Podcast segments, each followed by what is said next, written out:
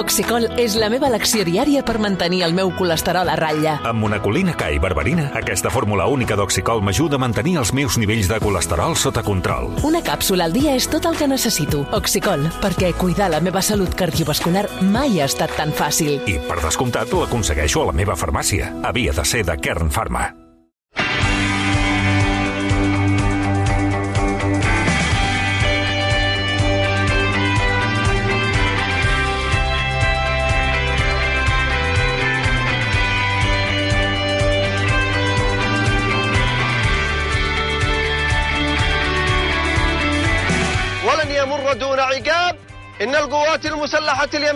No sabemos el alcance todavía si es que la Unión Europea va a aprobar o no una misión, pero mientras tanto la posición de España es no intervenir en el Mar Rojo. És el que jo ahir vaig preguntar eh, sistemàticament al, al ministre Bolaños exactament què és el que hi ha de delegació. Diu, no, no, no hi ha res, no hi ha res pactat. Mai no renunciarem a tenir més capacitat ni ens fa por assumir competències complexes. Un govern amb vocació nacional hauria de celebrar la possibilitat d'eixamplar les competències en matèria d'immigració En el moment que s'arribi s'haurà de valorar com estan les conques properes i quina és la conca eh, més apta per poder doncs, eh, omplir aquests vaixells per arribar a Barcelona. Quan els àrbitres diuen a mi el senyor Negreira doncs, no em va influir en res perquè no teníem gairebé contacte, doncs això demostra o deixa, diguéssim, aplana el camí pel tema de la innocència del Barça en quant a la corrupció esportiva.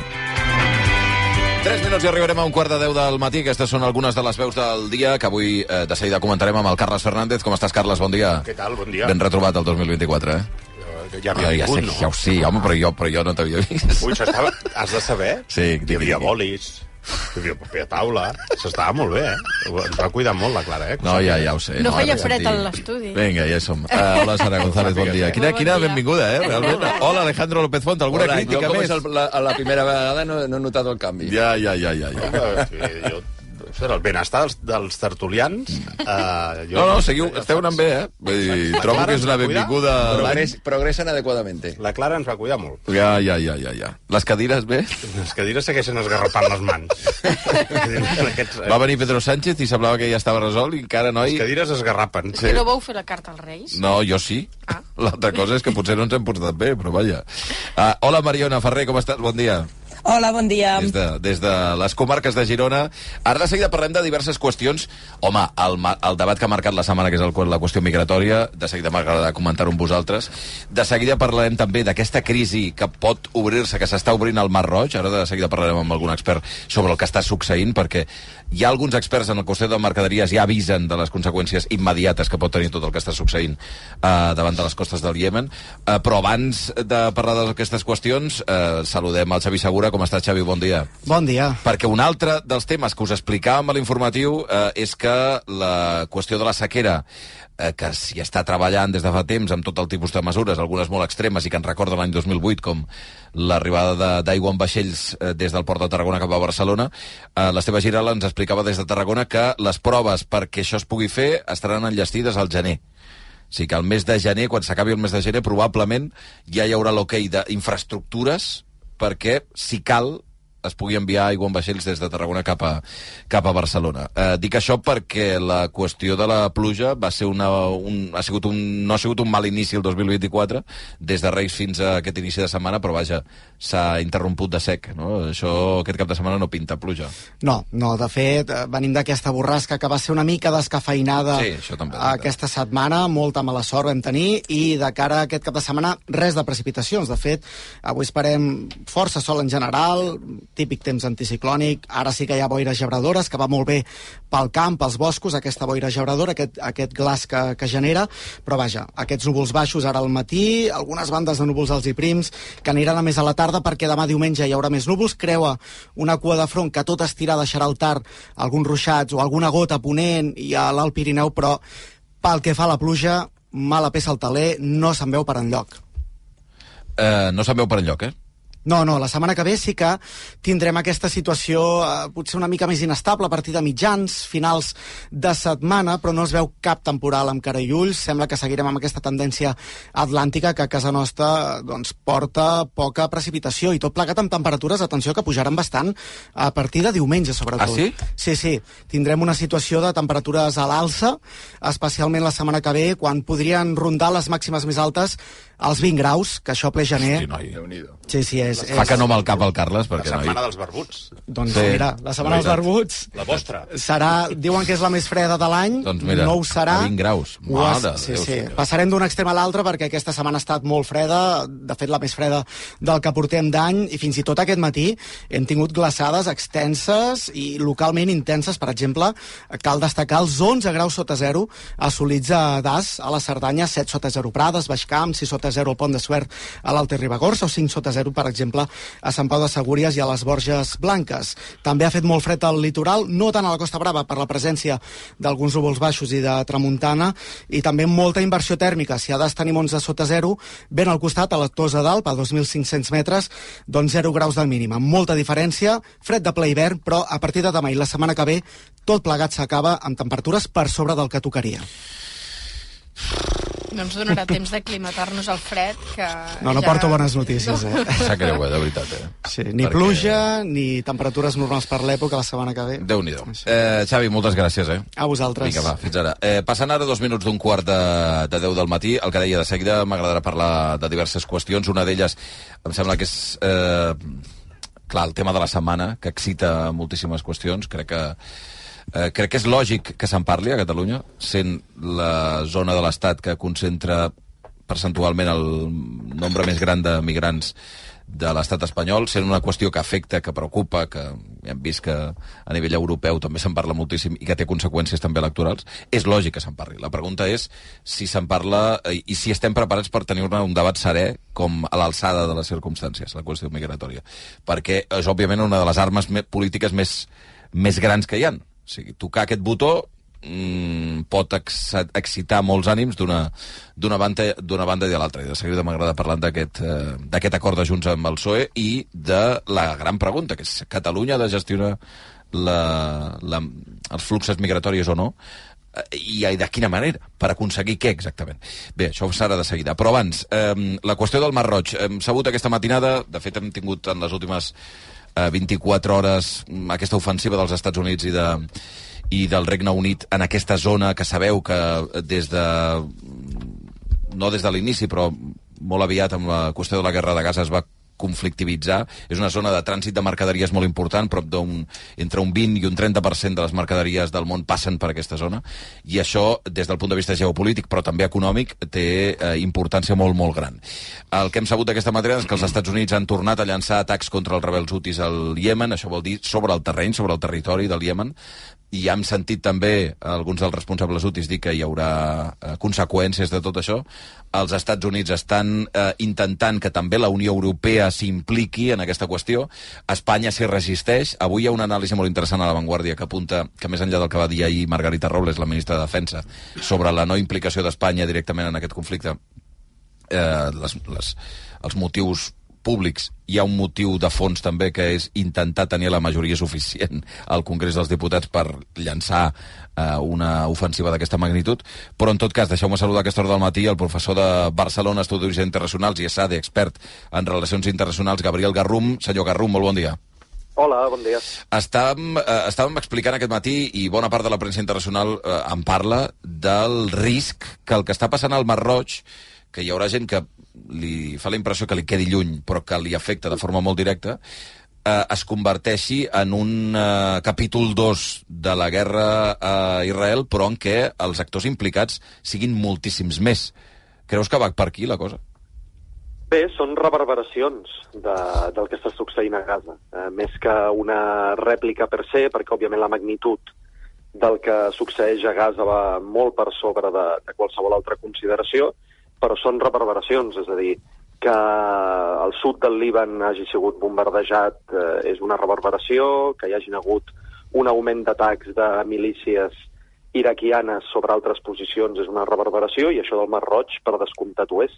I és una important, perquè, com bé deies, eh, ens cau molt lluny des d'aquí, però no ens cau tan lluny, per exemple, els productes que consumim, l'energia, etc etc etc i les rutes comercials són eh, importants en aquest sentit. Mm. De fet, ja, ja hem vist que hi ha empreses com, com Volvo, com Tesla, amb les seves seus a Europa, que ja han dit que de moment aturen la, la seva producció perquè no estan segurs que els hi arribin el material amb aquestes rutes. Eh, ja sabem, alguns experts del trànsit internacional que ens han explicat també a la ràdio que mm, algunes empreses ja han decidit fer la ruta alternativa, això vol dir vorejar per tota l'Àfrica, i això vol dir 10 dies més per cadascun d'aquests contenidors, per tant, els costos augmenten, eh, per tant, això pot, eh, ho podem notar tots plegats. Per tant, eh, sí, efectivament, eh, ja no només per interès geopolític o interès mundial o interès de, de drets humans és interessant el que està passant, sinó també perquè les nostres butxaques ho podem notar. No?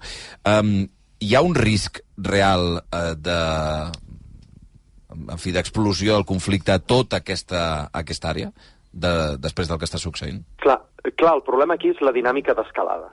Mm. És a dir, eh, els hutis, el que han estat fent durant aquests mesos, aquest és l'argumentari, aquesta és la, la, la lògica política des del seu propi discurs, és que com la, la situació a Gaza ha anat empitjorant, no hi ha hagut un alto al foc i gran part de la comunitat internacional ha donat suport a Israel, ells atacarien a bucs mercants que fossin o de propietat israeliana o que tinguessin el seu destí ports israelians.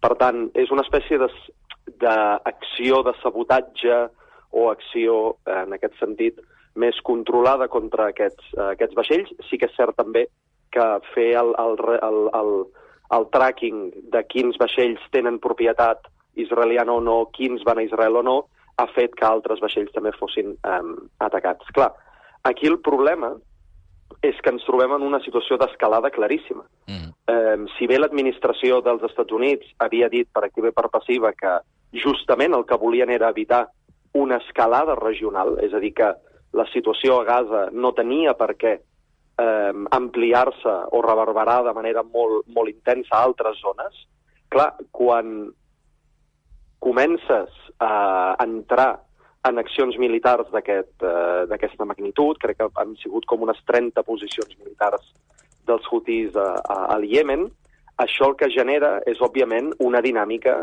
d'escalada eh, mútua.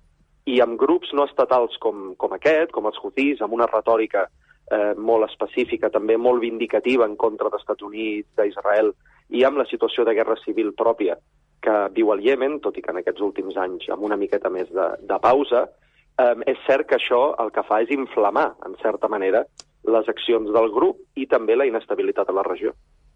Uh, de fet, avui bona part de la premsa parla de l'Iran com el gran aliat dels hutis, parla de l'Iraq, parla eh, de Somàlia, parla d'Eritrea, parla de, de l'Aràbia Saudita, parla dels Estats Units, d'Europa, del de, Regne Unit, parla de la Xina, parla de Rússia. És a dir, tot el que està succeint allà és una bomba de rellotgeria perquè això sigui un conflicte que vagi escalant-se. Sí, sí, una de les qüestions eh, complexes sempre de, de, dels conflictes a Orient Mitjà, per exemple, és l'alta la, connectivitat d'aquests escenaris. És a dir, ja no només de grups no estatals, per exemple, una gran pluralitat de grups no estatals que hem anat parlant durant aquestes setmanes, apareix Hezbollah, apareixen mm. els Houthis, apareixen molts d'altres, uh, però també la seva connexió amb actors regionals o fins i tot amb situacions de tensió o conflicte internacional. Però clar, aquí hi, ha, aquí hi ha dues qüestions. Una és, òbviament, intentar entendre no? per què és, quin és l'efecte d'aquests conflictes i quin és el seu desenvolupament.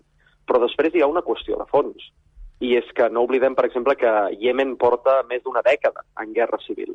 Una guerra civil també que ha causat una de les pitjors catàstrofes humanitàries que hem vist mai en la història. No oblidem tampoc la situació actual a Gaza, no oblidem la situació a Síria, per exemple, o a Iraq, que també han permès que determinats grups eh, tinguin capacitat i es facin forts allà. Per tant, hi ha tota una sèrie de qüestions de fons que han fet també que eh, avui dia parlem d'una regió amb una situació conflictiva i d'injustícia molt, molt gran. Mm. Um, quin, quina importància hi té l'Iran en això? Perquè al final eh, la perspectiva pot ser que això sigui una manera de, de confrontar Estats Units contra l'Iran a través d'un intermediari. Sí, els Houthis són, una, són un grup armat eh, i la gran majoria dels seus seguidors eh, professen una branca del, del xiisme. I ja des de l'ascens del grup, sobretot a partir del 2014, quan, quan són capaços de, de derrocar el govern eh, de Yemen i aleshores comença a haver una coalició d'Aràbia Saudita i altres en contra, de, en contra del grup, eh, des d'aquell moment Iran sempre ha actuat com una espècie de, de suport armamentístic i militar cap al grup. Per tant, quan ens imaginem en aquesta espècie de, de, de taulell d'Orient Mitjà eh, quina és la posició d'Iran, doncs òbviament aquí apareixen grups com Hezbollah, apareixen grups com les milícies xiites de l'Iraq i apareix també el, el grup dels Houthis a, a Yemen. Per tant, des d'un punt de vista militar i de suport estratègic o fins i tot de discurs, no? aquesta idea de l'eix de la resistència i aquestes, aquestes narratives, els Houthis són una part molt important. Però, a més, els Houthis també són un grup local, o són un grup que formen part de la pròpia política del Iemen. És a dir, eh, aquest tipus de grups no només s'han d'analitzar no, des d'un punt de vista d'una peça d'un actor més gran que ells, sinó que també són actors dins del propi, del propi taulell de, del Iemen. I accions com la que han succeït eh, en aquests últims mesos i arran dels bombardejos aquests últims dies, ells també han desenvolupat una maquinària de suport, de reclutament molt més important i obliga també a la comunitat internacional a començar a tractar-los com un actor amb el qual s'hi ha de parlar. Per tant, com els Houthis no són el govern legítim del Iemen mm. i no són el govern internacionalment reconegut del Iemen, aquí ells també estan forçant Clar. de dir, doncs ara veniu i com que nosaltres controlem un espai tan crucial com Bab el-Mandeb, ara estem obligats, nosaltres, a convertir-nos en un actor rellevant en la política. Acabo tot això en un any en què els Estats Units voten les eleccions. Doncs sí, doncs sí, i ja hi ha hagut moltes crítiques internes sobre fins de quin punt, i aquí hi ha un debat, òbviament, fins a quin punt les accions de bombardejar el Iemen sense autorització del Congrés americà, mm -hmm. això és una violació de l'article 1 de la Constitució americana, i fins a quin punt eh, l'ús del terme autodefensa o defensa pròpia, que és el terme que s'ha eh, doncs, esgrimit per justificar legalment aquestes accions, té sentit en aquest cas. Mm. És a dir, s'ha esgrimit eh, l'autodefensa o la defensa pròpia perquè aquests eh, atacs dels Houthis doncs, era sobre la llibertat de navegació i els interessos d'aquests estats, però fins a quin punt es pot esgrimir aquest argument en aquest cas. Per tant, sí, fins i tot des d'un punt de vista de política americana és un, és una qüestió sobre la taula. Veurem què és el que passa els pròxims dies, les conseqüències que pot tenir per tots nosaltres.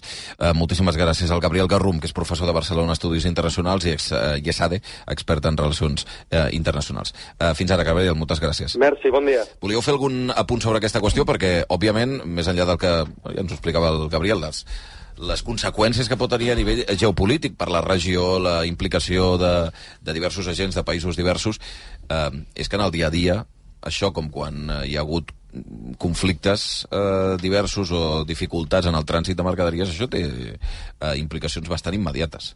Sí, sense, sense controlar, diguem, el que mm. és la, la situació geopolítica massa, eh, sense saber-ne massa d'això, però el que està clar és que ningú té rebost ni ningú té magatzem. Mm -hmm. Llavors tot, tot és al mar i tot és a la carretera. Sí. Llavors, en el moment en què ja ho vam veure en una situació que no té res a veure amb la guerra, eh? però que és que un, un, un vaixell que queda un trabat. vaixell que queda trabat, mm. sí, sí. doncs això ja va provocar, diguem, un daltabaix, no? un daltabaix i vam estar 15 dies, doncs que a veure qui treia el vaixell i qui, qui el sabia modificar, doncs òbviament quan empreses i quan empreses com Marx o aquestes grans, trans, ah, no? aquestes grans empreses logístiques de transport decideixen doncs, canviar la ruta, doncs això a banda de 10 dies, doncs ja ho heu explicat, no? el consum de petroli, eh, de gasoil, etc. doncs Augmenta això es dispara.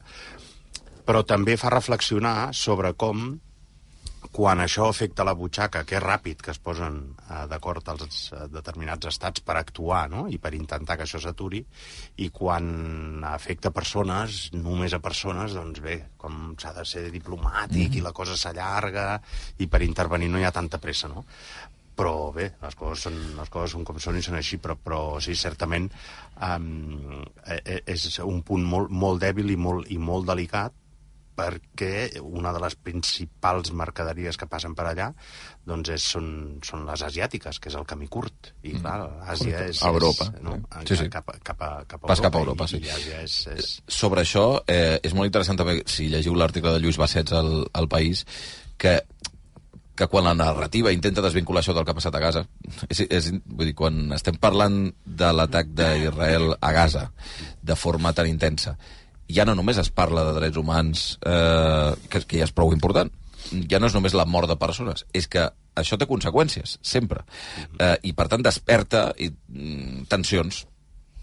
Tu, quan obres una caixa dels trons, a veure què la tanca després, no? I és molt intens el que està passant allà. Per tant, a partir d'aquí, mm, intentar controlar d'altres qüestions, doncs, és prou difícil. És curiosa també la, la perversió que es produeix del llenguatge, no?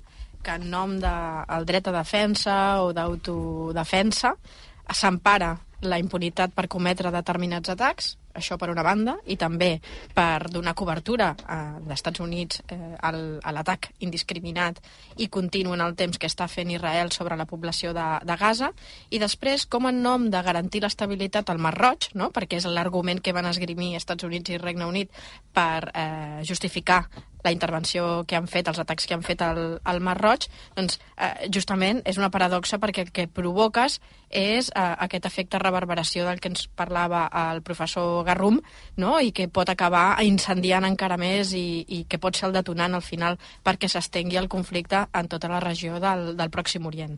Mm, Em crida l'atenció aquesta perversió del llenguatge que no és nova, però que ens demostra que efectivament estem en el nivell de conflictivitat més alt des de la Segona Guerra Mundial. Fa poc el CIDOP comptabilitzava fins a 33 guerres actives en aquests moments i com en bona part d'aquests conflictes el posicionament dels Estats Units és absolutament determinant perquè acabin les hostilitats entre Israel i Gaza, perquè hi hagi un alto al foc, el posicionament dels Estats Units és el que és determinant. I ho deies, eh, hi ha una campanya electoral. Això mai afavoreix a la fi dels conflictes perquè s'utilitzen electoralment mentre eh, es van vulnerant drets humans i mentre es produeixen morts de civils innocents.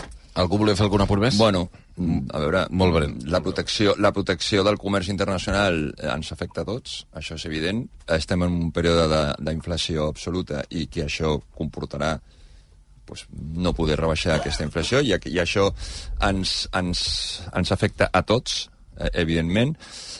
Eh, jo, clar, posant-me des del punt de vista de Yemen, Yemen és un país pobre, que no té petroli, que està al costat d'Aràbia Saudita, que està al costat d'un entorn de, de milionaris, i ells són pobres. Els hutis, mm, aquí estan plens de, bueno, guerres civils. Home, i ha, ha dit una cosa al professor que a mi mm, m'ha obert i dic, escolta'm, eh, és que volem ser... Volem, volem dir alguna cosa per negociar. O sigui, eh, a lo millor, siendo buen, buenistes, escolta'm, els Yemen i els hutis d'això treuen alguna cosa. Que al final el que has d'aconseguir, si tu ets, estàs mm, dirigint o formes part de, de les èlits d'un estat per governar és, oiga, traigan inversiones aquí. O sigui, ens, eh, ens eh, negociarem i perquè nosaltres som pobres i, i Yemen és la, un dels països més pobres del món. Entonces, eh, si no, quin sentit té? Eh, hem d'atacar tot el que sigui Israel? O sigui, per, per atacar Israel hem de, hem de, hem de posar el, el món... Eh, no? Bé, les el- manifestacions- El, les el, comerç, manifestacions el que hi comerç havia ahir- internacional hem de, ha de patir tothom perquè hem les d'atacar els vaixells de... les manifestacions que hi havia ahir almenys pel que vaig veure llegir A Iemen. al, al Iemen, a la capital, no eren unes manifestacions reivindicatives de, diguem, d'inversions econòmiques, Que i tal, sinó que això- que per estaven això- per molt això- orientades des d'un... A ir en contra. d'en contra Clar. dels Estats Units Clar, i tal, clar. molt, molt, mm. molt vehiculades des d'un punt de vista més ideològic i religiós i, Absolut. diguem, Bueno. més, més, vaja, que no tenien a veure amb si tenim un nivell econòmic millor o pitjor, sinó que és aquesta... Pues això és lo trist. I segurament Iran és el gran, Iran és el gran actor. No? Passen 4 minuts a dos quarts de 10 del, del matí. Uh, permeteu-me res, dos minuts i de seguida virem cap al debat de la setmana, que és el debat migratori. Uh, de seguida saludarem un expert en aquesta qüestió i m'agradarà saber la vostra opinió. Si obre si és un tema del qual s'ha de parlar o del qual no se n'ha de parlar. Ara en parlem. Via Lliure, amb Xavi Bundó. És ara o mai. Gaudeix dels descomptes finals a la Roca Village. Visita el Village i descobreix els descomptes més irresistibles a les teves firmes preferides. Scalpers, Zadig Voltaire o Coach. Te'ls perdràs? T'esperem a la Roca Village de dilluns a diumenge fins a les 9 de la nit per viure un destí de shopping únic. Al gener vine a Lidl i estalvia't més de 70 euros en les nostres més de 360 ofertes. Ara 12 hamburgueses mixtes per 5,79, t'estalvies un 20%. I 6 quilos de patates per 4,99, t'estalvies un 35%. Lidl, marca la diferència. L'averia del cotxe, la universitat de l'Anna... No sé com arribaré a final de mes. Tranquil. Si llogues el teu pis amb lloguer segur, pots sol·licitar l'avançament de fins a 3 anys de renda per fer front a imprevistos econòmics o nous projectes. Informa't a lloguersegur.cat o al 910 775 775. Lloguer segur, la reevolució del lloguer. Si estàs pensant en vendre el teu cotxe, no li donis més voltes. Vender mi cotxe. Fàcil i molt de pressa. No cal ni demanar cita. T'oferim a l'acte la millor valoració pel teu cotxe de forma gratuïta i sense compromís. I als 30 minuts ja tens els teus diners. Vender mi cotxe. Som a Barcelona, al carrer Rocafort 78, Cornellà de Llobregat i Sabadell. Bon dia. El número premiat en el sorteig del cuponazo celebrat ahir va ser el... 33.161 33161. Sèrie 47 047. Pots consultar la resta de números premiats a juegos11.es. Avui tens una nova oportunitat amb el sueldazo del cap de setmana. Gaudeix del dia. I ja ho saps, a tots els que jugueu a l'11, ben jugat.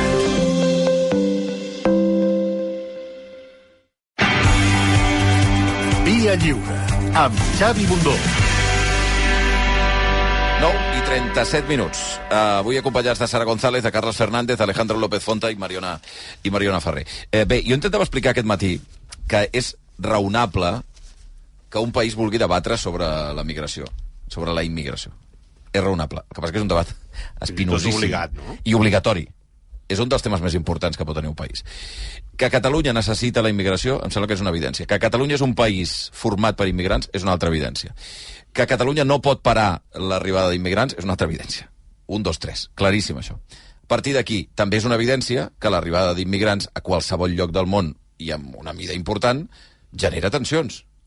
Em que això és una altra evidència. Tensions de tipus, de tots els tipus. Eh, de tipus cultural, de tipus de convivència, de tipus en la gestió dels recursos públics, en la gestió eh, a l'educació, a la sanitat, en l'àmbit la, laboral en la incomprensió o la comprensió eh, dels nouvinguts respecte als, als uh, autòctons, això és una evidència i passa tot arreu. Mm, no, és, no és difícil d'entendre. La pregunta és, davant d'això què?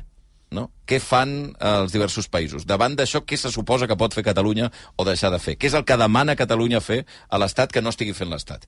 Eh, em permeteu que abans que sentir la vostra opinió de si creieu que aquest és un, un debat eh, que es pot tenir, que s'ha de tenir, de quina manera s'ha de tenir, eh, que saludi el catedràtic de Dret del Treball i Seguretat Social de la Universitat de Girona, el senyor Ferran Camas. Senyor Camas, molt bon dia. Hola, molt bon dia. És un plaer estar en aquest programa. Moltes gràcies. Uh, un plaer per nosaltres. Hi ha diversitat de punts de vista, perquè, clar, aquí el, uh, una de les qüestions, i avui llegim molts articles a la premsa parlant d'aquesta delegació de les competències en immigració, uh, i bona part d'aquests articles, quan uh, els periodistes parlen amb alguns experts, diuen que no és possible el que se suposa que ha demanat Junts per Catalunya, que la transferència de determinades uh, delegacions de competències no serà possible, i que la idea que en algun moment va llançar Jordi Turull de la possibilitat que un país com Catalunya decideixi, o un govern, eh, decideixi fer fora un immigrant per motiu de, de multireincidència, per exemple, no és possible perquè finalment qui ho decideix és un, és un jutge. Vostè té clar què pot fer, què pot deixar de fer i què és possible que faci Catalunya en aquest àmbit? Eh, en fi, és una qüestió veritablement molt sensible, molt sensible per l'Estat i, naturalment, com està dient, molt sensible per la comunitat autònoma de Catalunya. Eh, li explicaré. Eh, el que jo diré ara prové bàsicament del que està establert en la Constitució i de la doctrina que el Tribunal Constitucional, per cert, en la famosa sentència de l'Estatut d'Autonomia del 2006, eh, va dir sobre el que diu la Constitució en matèria d'estrangeria i immigració. La Constitució diu que l'Estat té la competència exclusiva en estrangeria i immigració. I em podem preguntar, i això per què? Perquè per l'Estat és molt sensible controlar qui entra, controlar quines condicions ha d'entrar a Espanya, controlar quants entren i també controlar qui se n'ha d'anar. Aquesta és una qüestió que forma part de la pròpia sobirania de l'Estat. En aquest sentit, si, si es diu que, per exemple, eh, una comunitat autònoma pot tenir competències per decidir eh, a qui concedeix autoritzacions de, sede, de residència o a qui expulsa, jo m'he de posar la jaqueta de, de, de, de jurista no? eh, i dir que avui, amb el plantejament actual constitucional, no seria viable jurídicament. Per què? Perquè és una competència exclusiva de l'Estat que, a més, és històrica, és tradicional, afecta la seva capacitat de poder, no? a l'establir fronteres, al decidir qui ha d'entrar, al decidir concedir una autorització de residència, no? que és la que dona drets i deures als estrangers quasi equivalents als espanyols, que els hi permet decidir aquí. Clar, què passa? Si Catalunya tingués, si em permeten un exemple, si Catalunya tingués la, la, la, la, la possibilitat de, de donar autoritzacions de residència, clar, la qüestió seria que aquesta autorització de residència se suposa que afectaria a tot l'Estat. Què diria Aragó si que la comunitat autònoma donés autoritzacions de residència si l'estranger se'n va a l'Aragó a demanar qualsevol cosa? És a dir, aquesta és una prerrogativa que es queda a l'Estat i en aquest sentit jo penso que en la legislació actual i com es interpreta la qüestió és molt difícil d'aconseguir. Ara bé, i aniré acabant, ara bé, té competències Catalunya en matèria d'immigració? Segons l'Estatut d'Autonomia, sí. Per cert, té competències en matèria d'immigració. Particularment té la, una competència que és la primera acollida d'immigrants, és a dir, el fet de donar orientació als immigrants, sí. primers serveis sociosanitaris, o també té la competència d'autoritzacions, de donar autoritzacions inicials de treball, no la primera autorització de treball. Aquestes eh, competències van ser validades pel Tribunal Constitucional. Per què? Perquè va dir que, en el fons, es tracta, i això és molt complex, però intentaré dir en una frase, es tracta de competències que no són estrictament d'immigració, sinó que provenen de competències que ja té la Generalitat, com per exemple el treball. Si la Generalitat té competència en treball, home, si s'ha de donar una primera autorització de treball a un estranger, doncs li pot donar, ho pot donar la Generalitat. O en primera acollida, si la Generalitat té competència en matèria eh, d'orientació, de formació sociosanitària, home, doncs també pot eh, eh oferir aquestes competències als estrangers. Però això ja ho fa, senyor Camas? Com? Això ja ho fa la Generalitat? Això ho està fent. Té aquestes competències bàsiques. Primera, acollida d'immigrants i segona, ah. autorització inicial de treball. Ja. Una altra cosa és que la Generalitat pugui ampliar, aquí. que aquí seria discutible, podria aconseguir, pugui ampliar aquestes competències que té. Cap a on? Per exemple, si en comptes de la primera acollida, doncs l'acollida universal, i d'aquí la integració. És a dir, uh, uh, estic pensant, eh? és a dir, és només, són només uh, plantejaments hipotètics. Podríem pensar en una acollida a total, és a dir, no només centrada en la primera orientació i els primers serveis sociosanitaris, sinó establir mesures, és a dir, establir recursos que facilitessin la integració de l'immigrant o respecte de l'autorització inicial, doncs en comptes de la inicial també a lo millor tenir la possibilitat de renovar aquestes autoritzacions de, de treball, no? És a dir, quan un estranger arriba a Catalunya, se li dona una autorització inicial de treball per la Generalitat d'un any. Doncs al cap d'un any té l'estranger, si vol mantenir-se a Espanya, ha de tenir eh, la renovació d'aquesta autorització, que ja depèn de l'Estat, per cert. La qüestió és que a lo millor es podria pensar si Catalunya podria tenir, podria tenir aquesta competència, no? però ja li dic, mm. són plantejaments hipotètics sense que, sense que, que, que posi en qüestió el principal, i és que la capacitat de, de, de donar autoritzacions de residència als estrangers, així com l'expulsió, són competències exclusives de l'Estat. Clar, aquí és una cosa interessant, perquè crec que mm, el, el, és obvi que el debat s'enverina o es posa interessant, depèn de qui ho vegi, sí. quan estem parlant de permetre a un immigrant entrar o fer-lo fora. No? Aquestes dues coses que diu el, el, el catedràtic Ferran Cames que són competència exclusiva de l'Estat. Permetre, per tant, donar permís a una persona que creui la frontera o, en el cas que hagi creuat la frontera, agafar-lo i tornar-lo al seu país. Bé, um, aquest segon àmbit és el que s'ha posat més al damunt de la taula les últimes hores.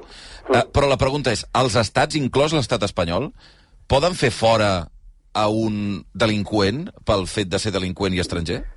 Efectivament, l'Estat, eh, com qualsevol, generalment és una pràctica eh, que succeeix a altres, eh, als estats de la Unió Europea, eh, pot decidir eh, sancionar a un estranger, per exemple, en situació irregular, que no té autorització de residència, mm -hmm. per exemple, és a dir, que està vivint, a vegades inclús treballant, quan no ho podria fer, sí. vivint o treballant a Espanya sense documentació, Algun, pot decidir... un, un, un sense papers el pot fer fora.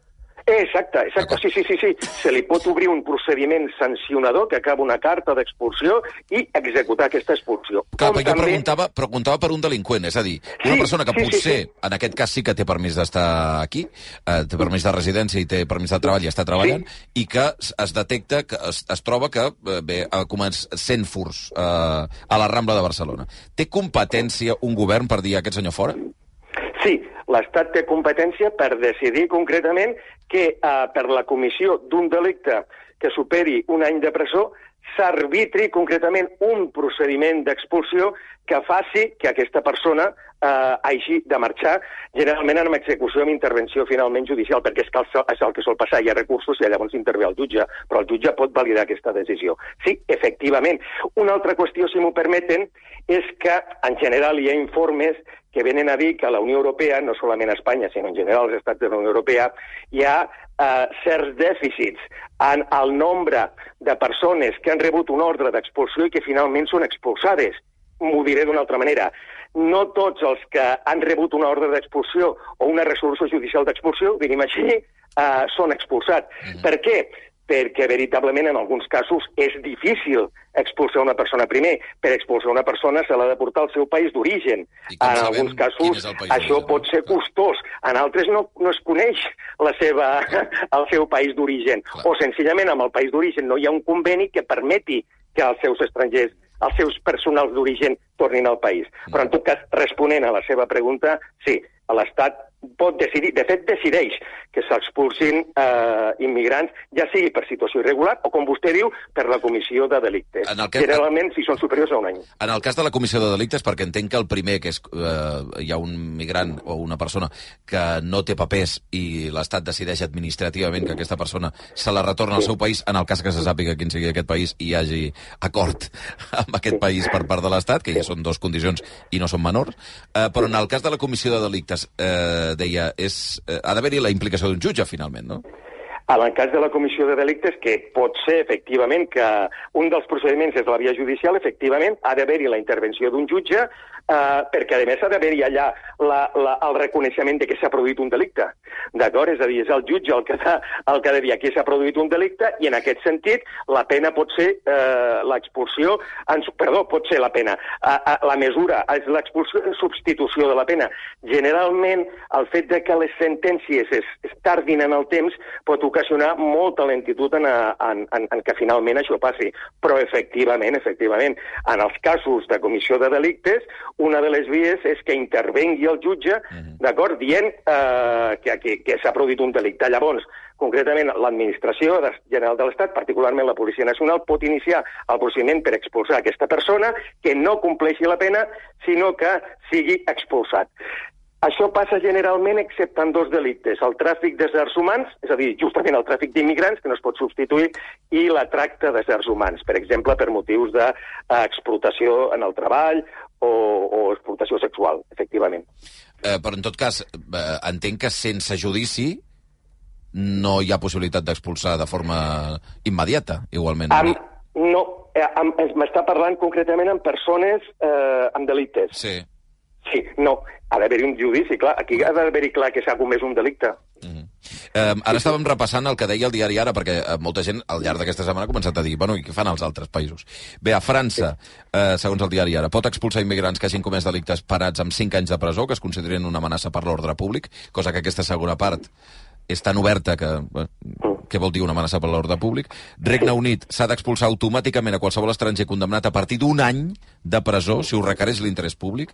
Alemanya facilita la deportació de nouvinguts que no tinguin permís de residència o que puguin suposar un perill, per exemple, per la multireincidència, precisament. I a Itàlia reserven el dret d'expulsar els migrants, també els regulats, si cometen un delicte, si cometen un delicte d'aquest tipus. Um, des d'aquest punt de vista, ja, uh, no, no només parlant d'expulsions i de multireincidències i delictes, etc etc. Um, des del seu punt de vista, encara que potser no és l'àmbit que toca senyor Camas, eh, però per què el debat de la migració políticament parlant, sempre és tan delicat. I, i hi ha partits que els hi fa por tenir-lo i d'altres que no tenen cap eh, por en utilitzar-lo. Doncs veritablement és una, és una gran qüestió la que em planteja. Jo només el que vull dir és el següent. El món està vivint en un moment, eh, està vivint un moment molt turbulent. S'estan detectant molts moviments de persones, concretament. Per què? Per, primer, per, per crisis econòmiques no? a l'àmbit mundial. Aquí podríem parlar de Sud-amèrica. També per crisis polítiques o de guerra, eh, que els hi diré jo, que això provoca també moviments de persones. Per canvi climàtic, no? sobretot a l'Àfrica. El que passa és que ara, concretament, el canvi climàtic, sobretot, afecta, és a dir, s'està movent la gent, a vegades dintre del propi país, però no s'acaba d'anar. Però també és una qüestió que afecta el futur. O una qüestió que jo sempre recordo, i és que mentre aquí tenim una societat envellida, que s'està envellint progressivament, al nord d'Àfrica, és a dir, davant de les costes espanyoles, és justament el contrari. La piràmide demogràfica és la contrària. Hi ha moltíssim jove que no pot treballar. D'acord? Això suposa, òbviament, una pressió cap a la societat occidental que crec que en el fons n'és conscient. Però és que aquí també, aquí també comencem a tenir eh, problemes, i això jo crec que s'ha de dir, o almenys eh, sortiran problemes, com deia abans, d'envelliment demogràfic, problemes que això suposarà, per cert, que sigui necessària, és una hipòtesi, sigui necessària la presència d'immigrants cap a, cap, a, cap a Espanya o cap a la resta d'Europa per sostenir l'estat del benestar, o finalment, naturalment, altra cosa que pot ser que pot ser delicada és la qüestió pròpia de la integració, d'acord? De l'acollida, integració dels immigrants en la, en la societat en la que estan. En tot cas, i això sí, amb això acabo, jo penso que hi ha una cosa que s'ha de vetllar molt, s'ha de cuidar, que és la següent. Cada dia en els mitjans de comunicació doncs, apareixen persones que intenten eh, accedir a la Unió Europea o a Espanya de manera irregular. Jo sempre intento recordar una cosa.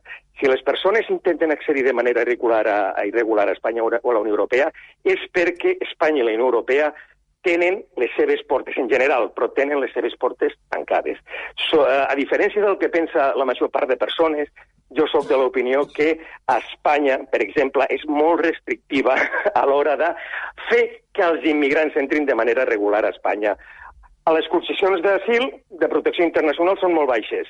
Les possibilitats de que un estranger vingui a Espanya a treballar són molt baixes, que si tenen, ja dic, no tenen llocs de treball per ocupar. Què passa? Si els immigrants concretament no poden venir de forma regular, si no poden accedir per la porta de casa de forma regular, que és com s'ha de fer, intentaran accedir per la finestra, pel, pel sostre, intentaran accedir de qualsevol manera. Jo penso que la pressió de la immigració irregular, és a dir, de la immigració que no té documentació, també és un motiu de preocupació que s'hauria d'afrontar que s'hauria d'afrontar de forma convenient. Ferran Camas, ell és el, el catedràtic de Dret del Treball i Seguretat Social de la UDG, director de la Càtedra d'Immigració de la Universitat de Girona. Moltíssimes gràcies. Gràcies per fer aquesta referència a la càtedra d'immigració. Gràcies. Eh, gràcies. 7 minuts i la arribarem a les 10 del matí. Deixeu-me, com que tots voleu parlar, deixeu-me eh, preguntar-li primer a una persona que encara no ha parlat, com és la Mariona, com que la tenim lluny. Segon, perquè viu, vius a Girona, oi, eh, Mariona? Sí, sí, sí, a Girona ciutat. I tens al costat una ciutat de les, eh, me, de les que tenen més percentatge, percentatge més alt. de, de Mhm. migrants, com és Sal, no?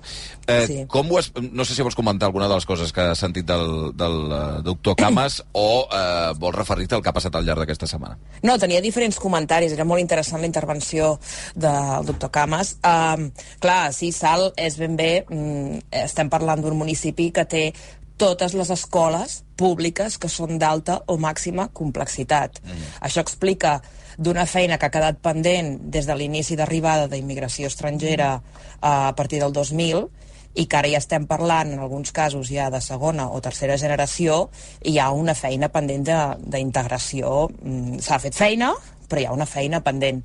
I clar, això va creant un, bueno, un caldo que ara junts, amb aquest discurs aquesta setmana, ells mm, han obert un meló que portaven des de dins des de feia molt de temps.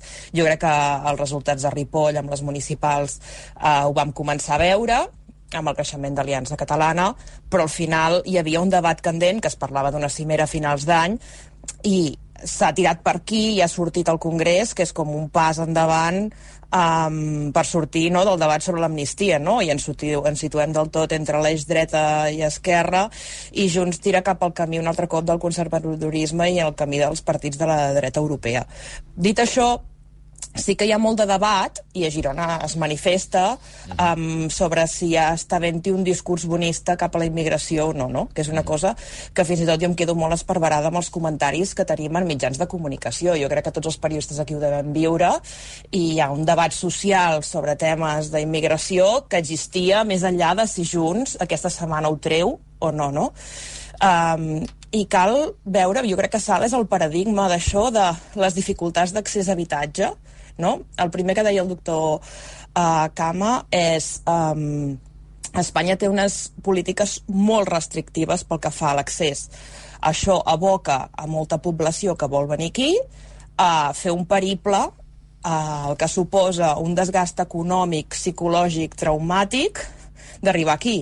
I quan arribes aquí tens altres moltes, tens una barrera brutal, que moltes vegades ni en som conscients, no? Si hi ha, hi ha tota una generació que té una possibilitat d'accés a l'habitatge tinguent sous de 1.500 euros al mes, doncs amb, amb una situació irregular t'aboca a llogar habitacions, subllogar habitacions, a viure tota la família en una mateixa habitació, que és el que el drama que ens estem trobant, a desnonaments diaris amb, amb tot de menors perquè Sal és la realitat del dia a dia. Tot i tenir una, teòricament, haver separat els desnonaments segons els anuncis del govern espanyol, diàriament tenim desnonaments i cada cop més virulents, amb més presència policial, que almenys el que diuen les entitats és una forma consideren que és una forma de, de bueno, d'espantar de, també qui ho intenta parar, no? I després la impossibilitat de tenir una feina amb protecció i garanties, perquè si tu has de provar que tens arrelament per poder treballar en garanties, clar, és un peix que es mossega la cua. I en tercer lloc, una cosa que per mi no és gens menor, i quan parlem amb escoles com a SAL, que tenim d'alta i màxima complexitat, és que Espanya, el fet de néixer aquí amb pares estrangers no et dona la nacionalitat, de facto. Tu, I jo crec que això tenim tots el somni americà al cap, d'alguna manera, i ens pensem que pel simple fet d'haver néixer a Espanya tens la nacionalitat espanyola, i no. Tenim totes generacions que tenen la nacionalitat marroquina, la nacionalitat hondurenya, no? i per parlar dels dos col·lectius majoritaris a Girona. Um, i si no fas el pas abans dels 18 anys per obtenir la nacionalitat espanyola, que no és fàcil, perquè tot el que és el, el mercadoria per aconseguir una cita, per exemple, a estrangeria, perquè tens màfies directament agafant-les, um, t'aboca a que en el país on has nascut no tens ni la seva nacionalitat. I no hi ha una informació ni un seguiment en molts centres educatius d'això. De fet, molts professors ni són conscients de que tenen alumnes que no tenen la nacionalitat mm -hmm. espanyola havent nascut a l'Estat. Aquí un, una primera intervenció de, de, de la situació d'aquesta setmana. Vull donar un parell de xifres sobre la qüestió de la migració a Catalunya. Els últims 20 anys, eh, Catalunya ha passat de tenir un 5-6% em sembla de població migrant a tenir un 16, gairebé un 17%. Eh, Sal, per posar-hi la xifra, crec que està al 30, que està al 38? Sí, és un, més d'un terç, i, perquè un terç de la població no, un 40% no té dret a, a vot. Uh -huh. Clar, és que estem parlant d'una població al municipi de Salt que la gent que hi viu no pot decidir. Uh, és un percentatge altíssim. El que vull dir és... Um, és una qüestió delicadíssima de tractar. Delicadíssima. I crec que no conec, des de l'època del procés, una qüestió que generi més eh, tensions, rèpliques, contrarèpliques, gairebé insults, eh, cada cop que se'n parla entre uns i altres. Um, és evident que hi ha una part de la política catalana que li costa molt parlar d'aquesta qüestió i que tens la impressió que només espera que algú altre en parli per dir-li que mm, el nom del porc, no? I per altra banda, tens un creixement de la ultradreta i que passa a Catalunya, que passa a França, que passa a Espanya, que passa a Itàlia, que passa I a, i a, i a, i a al, al món nòrdic, no? i que passa a Sal, i que passa a Ripoll. Uh, llavors, és, és, és una matèria tan delicada, és una matèria tan, tan difícil d'agafar, i en què tothom sembla que té la solució fàcil, que, ostres, eh, difícil, molt difícil. Una matèria molt delicada, que a més a més sempre revifa, i ho fa ara també, en ple context preelectoral. I això no és bon auguri, justament perquè aquesta matèria és, és altament sensible i posa en risc en, de, en funció de com s'enfoqui la pròpia cohesió social. Jo diria, és pertinent parlar de, per anar per pams, eh? de, de transferències, de competències, de delegació de funcions de l'Estat a la Generalitat? Sí, és pertinent. Ens passarem tot, tot el que duri la legislatura, ens ho passarem parlant d'això, perquè Pedro Sánchez té només una sola aritmètica, ha de pactar amb l'independentisme català, amb el nacionalisme basc, i per tant haurà de fer concessions. Per tant, sí, és pertinent no?, que la Generalitat vulgui, o els partits independentistes vulguin, aconseguir més competències per Catalunya. És necessari parlar d'immigració? Sí, i tant. És que quan parlem de la gestió de la Catalunya dels 8 milions, estem parlant d'això. Estem parlant de com s'afronten o com s'adapten o com es redimensionen els serveis públics, com s'afronta la reducció de la desigualtat tenint un 25% de pobresa enquistada i estem parlant de com es garanteix la cohesió social, no? si ha augmentat tant la població en tan poc temps, temps i, a més a més, ha augmentat molt més la seva, la seva diversitat. El problema és com s'està plantejant aquest debat i en quin moment surt. En quin moment es planteja aquesta transferència de les competències d'immigració? En un moment de negociació in extremis perquè el Pedro Sánchez ha de convalidar uns decrets. I en l'últim segon resulta que hi ha una trucada entre Santos Cerdán i Carles Puigdemont, acorden un enunciat que no és que no coneixem la lletra petita perquè no ens la vulguin dir, és que no existeix aquesta lletra petita. I aquí és veritat que es produeix un element d'imprudència, no? fruit de la urgència d'aprovar els decrets per part del govern de Pedro Sánchez, perquè si tu pactes una transferència has de saber exactament què pactes i com. I aquí és veritat que Junts aprofita l'ocasió per arrencar un compromís que en aquests moments li interessa i molt, perquè fa mesos que li veu les orelles al llop, perquè creu que de cara a les properes catalanes, si Aliança Catalana es presenta, li pot fer una queixalada electoral, perquè veu com bona part de les seves bases estan flirtejant amb aquest electorat d'Aliança Catalana. Sobre aquesta qüestió, eh, vull recordar, de totes maneres, que ara estem al mes de gener i ha passat ara, això. Eh, però el discurs de Carles Puigdemont del setembre, Sí. que és quan posa al damunt de la taula l'amnistia, ja parla de la immigració i de les competències migratòries, sí? Sí, això passa des de les municipals, quan veuen què passa a Ripoll, i quan veuen també que una part de les seves bases i una part del seu electorat s'apropa, s'acosta i no veuen amb els ulls el discurs de Sílvia Oriols a Ripoll. Però deixa'm l'alcaldessa fer una pregunta sobre això, Sara. Sí. Que més enllà de la qüestió purament electoral o que puguis estar preocupat perquè et puguin esgarrapar vots, puguis pensar que si això genera prou tensió com perquè guanya un partit d'ultradreta que no comptaves que guanyés, eh, puguis pensar, potser ens hem equivocat a l'hora de plantejar-ho. I, Segur. I facis un gir eh, polític, que també és raonable que algú pensi eh, no ho hem enfocat bé perquè la gent decideix que, que, que no ho estem enfocant bé.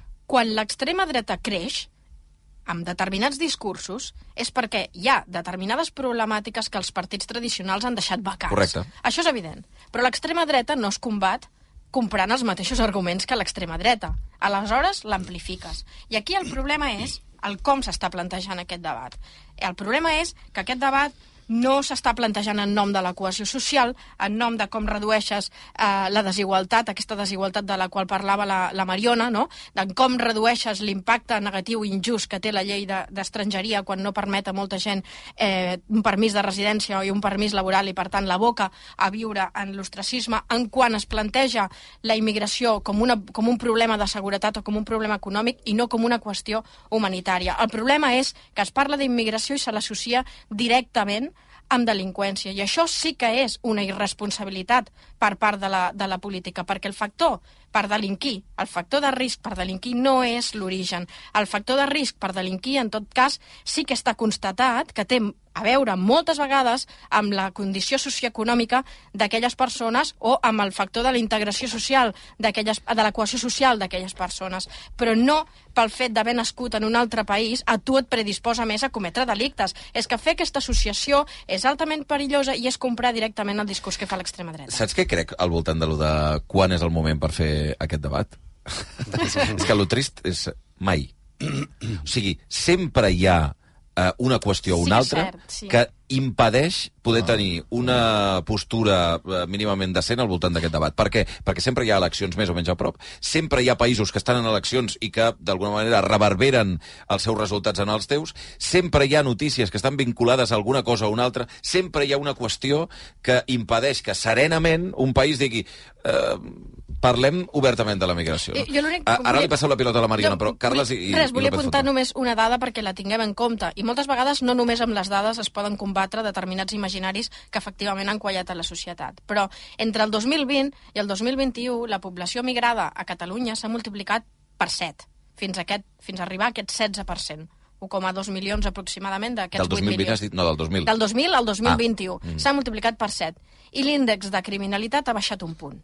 Per tant, les dades ens demostren que no es pot fer una associació directa entre una major arribada de població migrada i delinqüència. Però alhora, eh, tu, si demanes eh, qualsevol dada als col·lectius policials, eh, diran...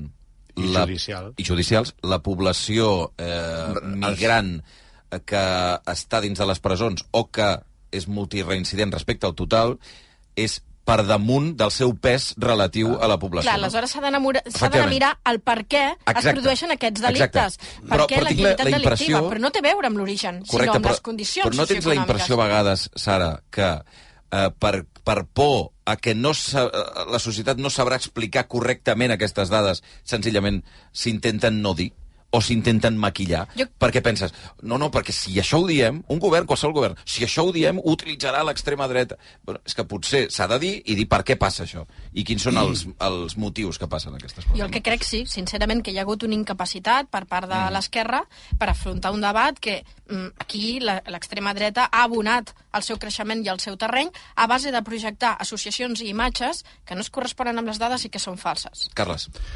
Sí, jo abans crec que, que, que val, la pena, val la pena dir que mm, tot el sector primari, o sigui, tota l'agricultura, la ramaderia, la pesca, la jardineria, les, els escorxadors, eh, les fàbriques d'embotits, etc etc. tota la construcció a, a gran nivell, tota l'atenció a la nostra gent gran, en bona mesura tot el nostre servei de salut i en bona mesura tota la nostra hostaleria, sense immigració no s'aguantaria. Mm -hmm. Totalment. Per tant, jo diria que des d'aquest punt de vista, i si sumem tot el PIB no?, que generen tots aquests sectors que jo he dit, des d'un punt de vista d'economia, i tot el benefici social que generen des des de l'altre punt de vista, jo diria que, eh, vaja, mm, absolutament a favor de la immigració. No, és que crec que... És que Per crec que jo, dos jo coses crec sobre que això, Carles, un moment. Això, això és un pòster que hem de tenir penjat No. no. a davant. Quan no. estem parlant d'immigració l'hem de tenir penjat, perquè, perquè és fonamental. Només un apunt sobre això. És que jo crec que el plantejament de dir estic a favor o en contra de la immigració és absurd. O sigui, no es pot estar a favor o en contra. La immigració és. És aquí sí. i a qualsevol lloc del món. És i la, som. És i som, correcte. Tot és. Eh, per tant, no és una possibilitat de dir no vull immigració. Bueno, és que no, sí. no, primer no pots evitar-ho i segon, no hi ha cap societat que s'hagi construït sense immigració. La catalana depèn de la immigració i dependrà de la immigració. Eh, i, I específicament Catalunya més que en d'altres comunitats de l'Estat. I això ha estat així Però deia perquè des de quan, fa molt de quan, temps. quan, quan en l'aproximació al debat és fàcil que eh, eh, ens arrosseguem, Sí, sí, diguem, a un dels extrems, que és l'expulsió, el no, el sí, l'àmbit judicial, tal, i això és, això és, és minso, perquè això és, això és una, una part molt petitona de, de, de, de la qüestió, diguem, no? Sí, Sí. De, de la part migrant. O sigui, tot el nostre camp, tota la, la nostra pesca, els pescadors que surten a pescar, mm. si no tinguessin uh, treballadors d'orígens uh, extracomunitaris, no podrien sortir a pescar. I, per tant, no tindríem pes de llotja. Mm. Ja està. Però no de llotja ni d'altura, eh? perquè ara estic parlant de Catalunya, però o sigui, els, els, els, els pescadors, diguem, eh, d'altura de, del Cantàbric i de Galícia, doncs no podrien sortir. I, i, I el sector primari de Lleida, i el sector primari d'Osona, i el sector primari de l'Empordà, i el sector primari de, de l'Ebre, doncs no podria. Llavors, per tant, ho necessitem. La construcció no, no, no aniria. L'hostaleria no cal dir-ho. Per tant, jo crec que això, això també el Maresme no podria tirar endavant sense immigració. També el Maresme, eh? perquè té molt de sector primari. també el Maresme. Per tant, jo crec que això, això, això és molt, molt interessant de tenir-ho sempre al davant, quan, quan el debat, diguem, se'n va cap a un dels extrems, tenir-ho sempre endavant perquè per posar en les magnituds allà on te toquen. No? Després, um, hi ha migracions i migracions. I això jo crec que també ho hem de dir. Escolteu, um, la situació argentina és, és, és molt complicada en els darrers 3, 4, 5 anys. Hem tingut una arribada d'argentins a Europa massiva. A Barcelona han arribat 45.000 argentins, crec que en els darrers 3 anys. Que, òbviament, són immigrants, però que aconsegueixen, són immigrants que aconsegueixen la nacionalitat italiana, perquè hi ha una, un conveni amb Itàlia Mm. per als avis i tal, i que doncs, són, són italians i són europeus i gaudeixen de tot. Però, però nosaltres no els percebem com a immigrants perquè culturalment estan molt més a prop de nosaltres. Mm -hmm. Per tant, la immigració, hi ha immigració i immigració. El principal punt d'entrada d'immigració a Espanya és a l'aeroport de Barajas. I és un aeroport per on entra immigració hispanoamericana que és una immigració que no percebem igual que la im immigració que ens arriba o d'Àfrica o d'Àsia.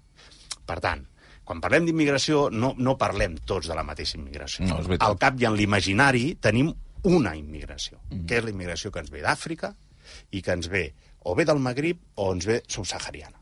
Bàsicament parlem d'això.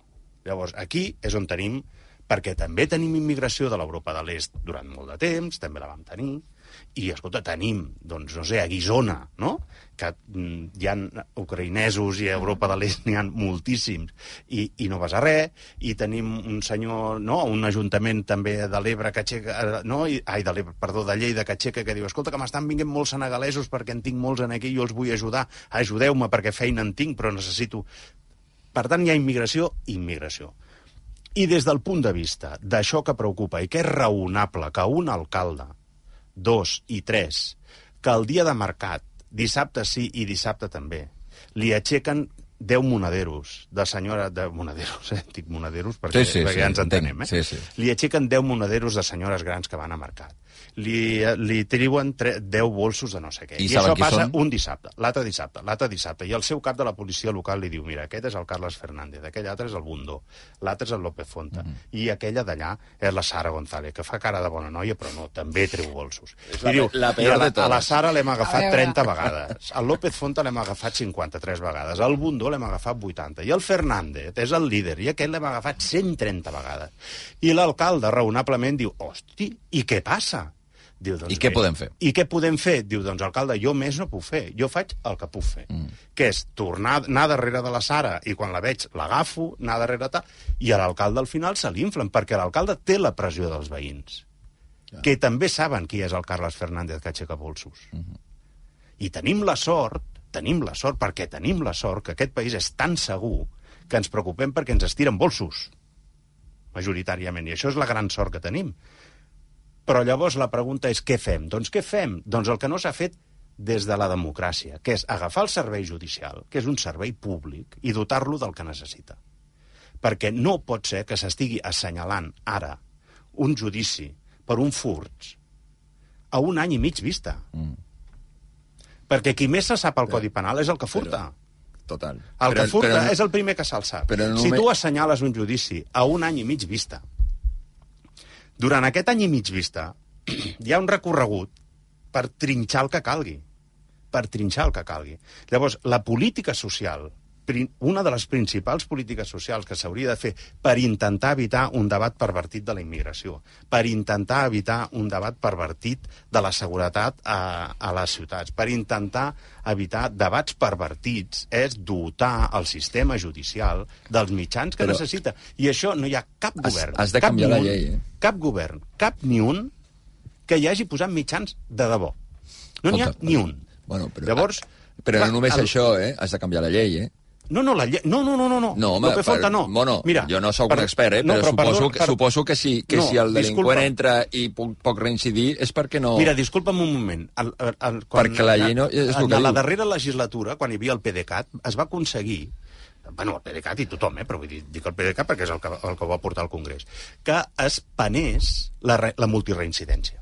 I que en tres sentències, que òbviament han de ser fermes, que abans d'ahir el gran Melero m'ho va, va rectificar, dic, home, en tres sentències, que clar, recorren, diu, és que només hi ha sentència quan és ferma, per tant, clar. òbviament, eh, aquí el Melero em va donar un colbot i ho va fer bé, en tres sentències fermes, llavors, això es pot, en la quarta, es pot demanar presó, sentències per furs, etc etc. Eh? Ho dic així a l'engròs. Però, clar, si tu tardes un any i mig a assenyalar, arriba la primera sentència, hi ha el recurs, ja i el recurs fins a la Clar, segona. clar, o sigui, clar, són... clar. I això s'ho sap tothom. Que sí. Llavors, no cal canviar la llei, perquè si tu poguessis assenyalar la primera sentència en un mes, Ah, bueno, clar. Sí. la ferma arribaria en tres. Que sí, I això que seria efectiu. Sí, López López Fonta. Vale, bueno, però López, no cal. López A Fonta, veure, Mariona i jo, Sara. A veure... Eh, Perdó per la que xapa, nes- eh, però... No, no, jo estic bastant d'acord amb tu, eh? O sigui, que, que necessitem eh, immigració és evident. Que les dades són, hi ha un, mi, un milió dos, 200.000 immigrants a Catalunya, que són necessaris, és evident. Que, que a la presó només hi ha 4.000 d'aquest milió 200 delinqüents, que sí que és veritat que hi ha 4.000 eh, estrangers i 4.000 nacionals, o sigui que en percentatge és molt més elevat, però és que no és el problema. La delinqüència no és el problema. La, la, el que és el problema és el que això que estàs dient tu. No, sí que és delinqüència, eh? I que sí que és resident. I això és el que afecta que aquesta senyora, a la tercera vegada, es plantegi votar Vox. Perquè no hi ha ningú que el resol...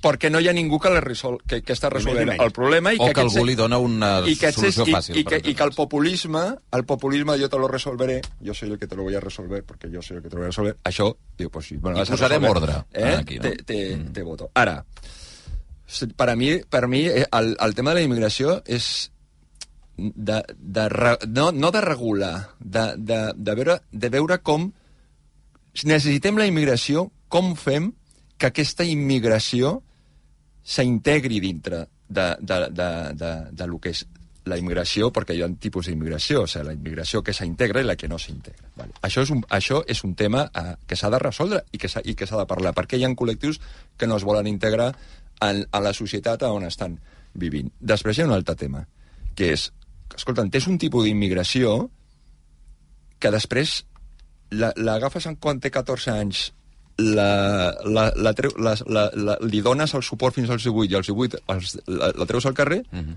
l'has format per, per aconseguir un treball? No. O sigui, la, la poses al carrer i, no, i, i què, què, què faran? Què han de fer? Sí, si no tenen per menjar, eh, hauran de fer alguna cosa, no?, per menjar. Eh, a veure, si jo fos un, una persona que estic en un país on hi ha guerres, on no hi ha futur, on m'estan traient del territori, on pues a lo millor també agafo una patera i me, i me voy. Eh, no, a lo millor no, segur. Eh? I si puc anar amb, amb tota la família, eh, ho faria. Eh, llavors, eh, això va ser així. Des del punt de vista de dels- de l'immigrant, és normal que, bu que busqui una esperança.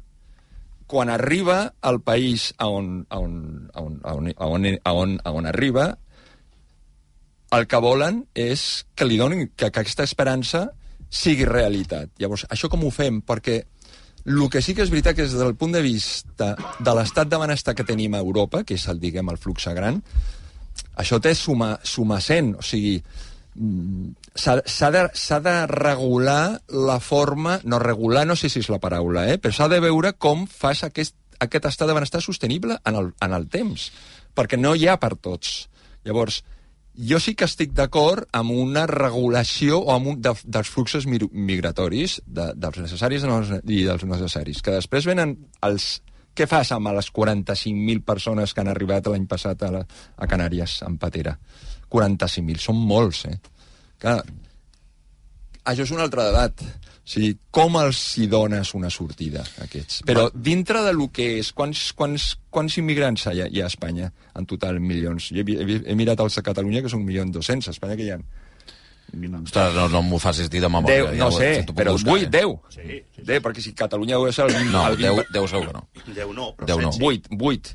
Bueno, 45 mirem-ho, o sigui, sí, o sigui, el, que vull dir és que els immigrants són necessaris, que estic d'acord amb el Carles, que hi ha immigrants immigrants en el sentit de que no et veus als mateixos, mateixos full, ulls els immigrants que culturalment estan més a prop que tu, que els que no estan i que els que tu penses... Dades de potser no és veritat. 2022, 5,5 milions de- d'estrangers a Espanya. Sí, que a Catalunya tenim més... No, el percentatge és molt més a Sí, Catalunya. sí, Sí, sí, és la però- comunitat que té un percentatge però, més alt. Xavi, 5,5 milions que es deuen estar arreglats eh, i... Ah, va, no, no, no, òbviament, Vull dir que però aquí això- n'hi pots afegir 3 més, segur, eh? No, es- bueno, no ho sé si es poden afegir tres més. Mariona i, i Sara. No, no tinc la dada, vull dir que no ho sé. Eh, Els que segur són Xavi 5,5. volia contestar...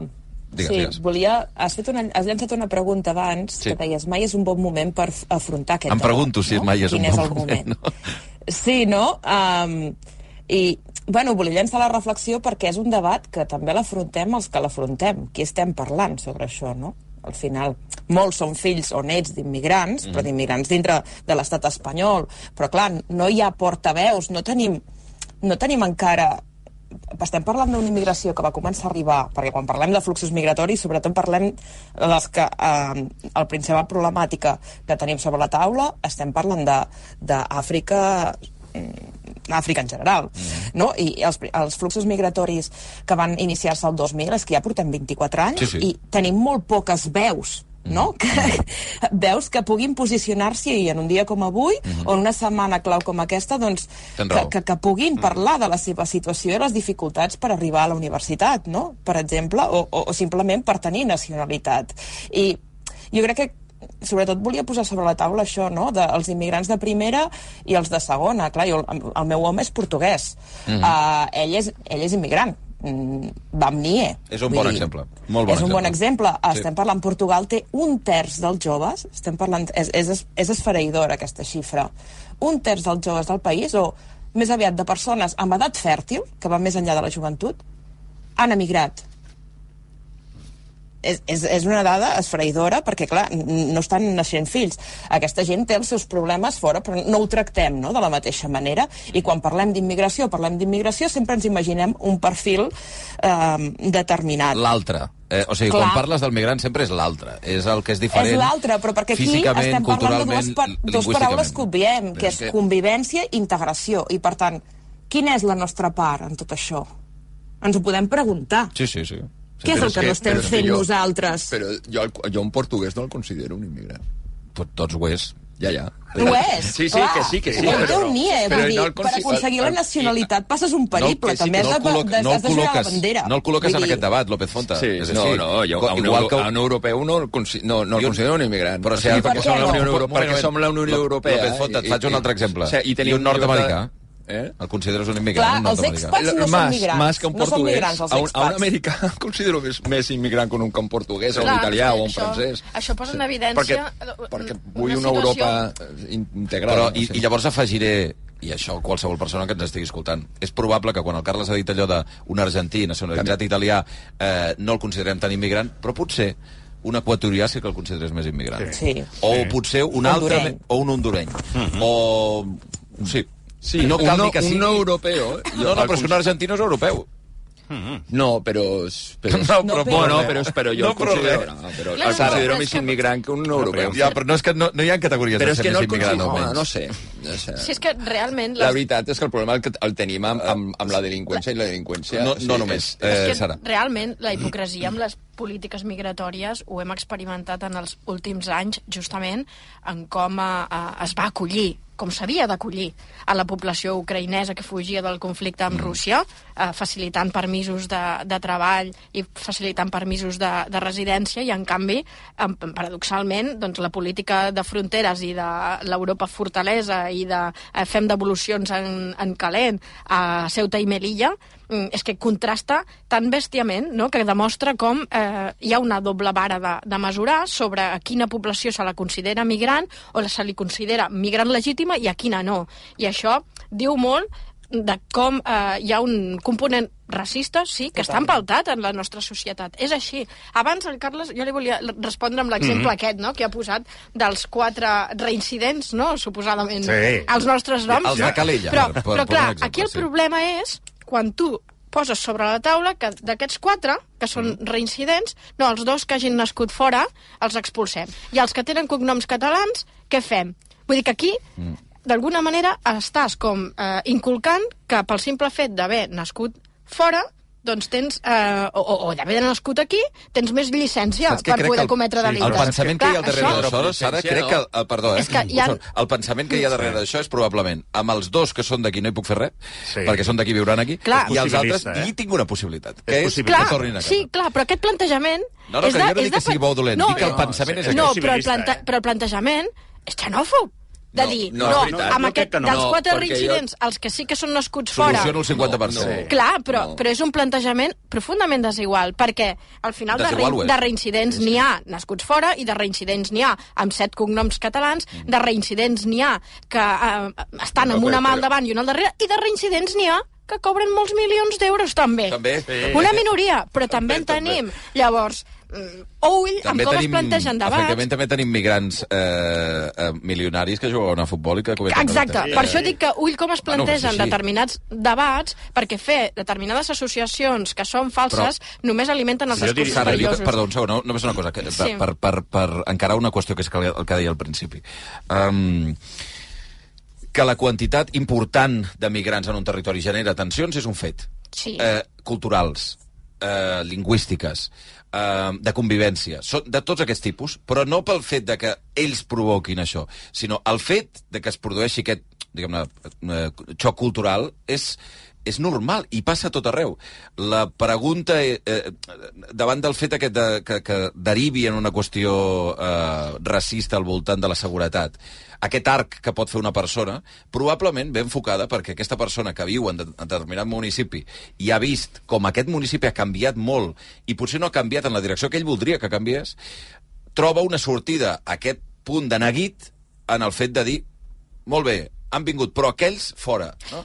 Eh, és, és, un, és un pensament bastant humà que s'ha de eh, poder avalar o no avalar o contrarrestar I que no amb discurs. i que no s'ha no sabut. sabut ni avalar No. ni, ni contrarrestar. És a dir, per molt que les dades donin la raó, eh, no s'ha sapigut des de l'esquerra o des dels partits tradicionals combatre aquesta associació i aquesta imatge perversa que ha sabut consolidar discursos de la- de l'extrema dreta. Jo volia contestar una, una pregunta que plantejava el López Fonta, el, que deies, com garantim la integració. És que la millor via per garantir la, inte la integració és permís de treball, permís de residència, que puguin tenir un sostre, que puguin tenir una feina, que puguin tenir eh, les seves necessitats bàsiques cobertes i evitar així que visquin als marges. Perquè d'aquesta manera però, també... Però, però si tu fas aquest discurs, hi ha molts joves que avui no poden tenir treball, no poden tenir residència, i entonces Sí, tu, sí. tu el que dius, no, és que tothom hem de, hem de, hem, hem de ser iguals perquè eh, tothom hem d'accedir igualment a tot perquè i, siguis de fora o siguis de dintre. Pues hi ha una part de la societat que no pensa com tu. O sigui, hi ha una part de la societat que pensa que, escolta'm, els meus fills, que so, i som d'aquí, i estem tota la vida aquí... Sí, però tenen- de- però estan- o tenen una sigui, situació estan, regular. Estan ajudant a la gent, a la gent que està, que està venint de fora i als meus fills no els ajuda ningú. A veure, Sí, no, home, a veure sí, els no, teus perdona. fills tenen, els teus fills, hi ha- hi ha els teus fills tenen pensa, un això. permís de residència, Clar, o sigui, bueno, viuen aquí, no però- se'ls qüestiona allò més, que Sí, puguin tenir sí. allò més bàsic Però que algú necessita dit, per viure, dit que és tema- un tema- sostre o i és un no pots- salari per poder viure, per Bueno, poder però un subsistir. salari que tu, que tu, qui, qui, tu, qui té el dona el salari? El que Home, crea, poder el que treballar. crea... Home, poder treballar.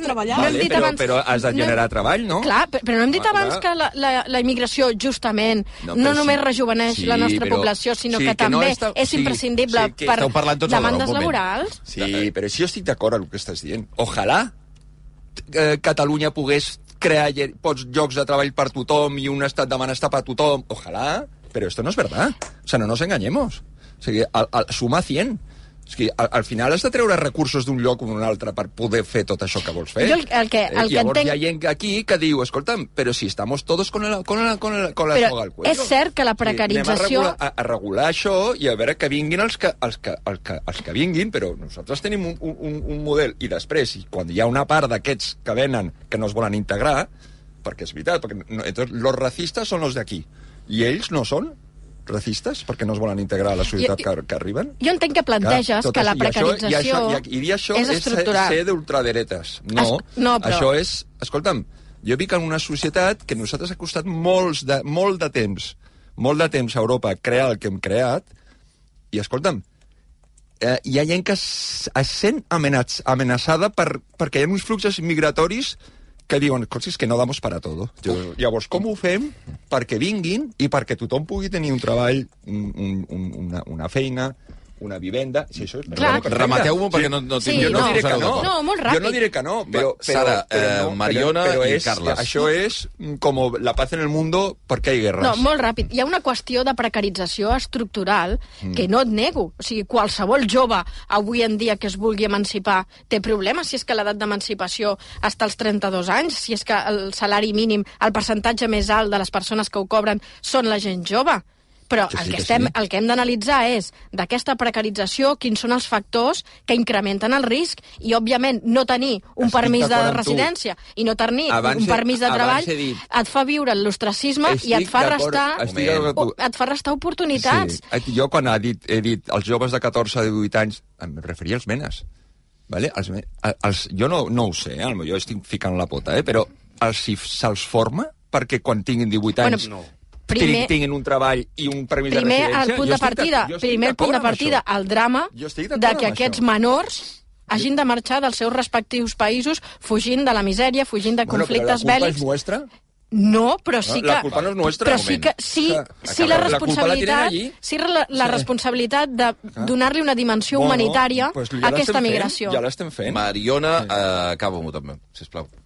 Són dos quarts d'hora. Ja sé que és molt Ah, complicat i que d'acord requeriríem 6 hores ara d'això, Sí. ja ho sé, ho sé, ho sé perfectament. Sí. I de fet Jo, és una bona demostració de per què costa atacar aquesta qüestió, perquè acaba derivant en, en determinats conflictes com el que estem vivint ara. Digues, No, però no és un conflicte. No, no, el debat no, aquí debat, sí, sí, digues. Eh, pas, sí, sí, eh? intervenc. Uh, que uh, sobre aquest discurs que ara, ara sentíem que eren com primer els joves de casa, que crec que mm, és que no estem en, en aquest debat, justament el que estàvem parlant, i jo crec que estic d'acord amb la Sara, de permís de residència, permís de treball, estabilització legal, estem tinguent a persones que viuen a Figueres, que cuiden a persones grans i tenen por de poder agafar el tren perquè tenim identificacions indiscriminades constantment a la Renfe i el simple fet d'agafar el tren si no tens papers pot ser que no tornis o que no puguis treballar ni alimentar la teva família a Honduras. I clar, aquestes realitats és que són el pa de cada dia, perquè, no, clar, com que vivim aliens, nosaltres anem pel carrer i no ens identifiquen, és veritat, no- te demanen el DNI Jo- pel jo carrer per amb- de pell que amb- tens. jo estic d'acord I és amb una realitat. Sobre tema situació de treball, segueixo. Uh, què passa? No assenyalem el migrant que ve a treballar en condicions precàries, assenyalem a l'empresari que el contracta sense Jo- papers, pagant en negre, amb, i que s'estalvia molts diners, també. Clar, diem, és que treuen treball els d'aquí. Els d'aquí voldrien fer la feina que ells fan? Estic d'acord amb tu. Escolta, Podries pagar algú que cuidés a la teva mare per menys de 1.000 euros i estigués interna tot el mes?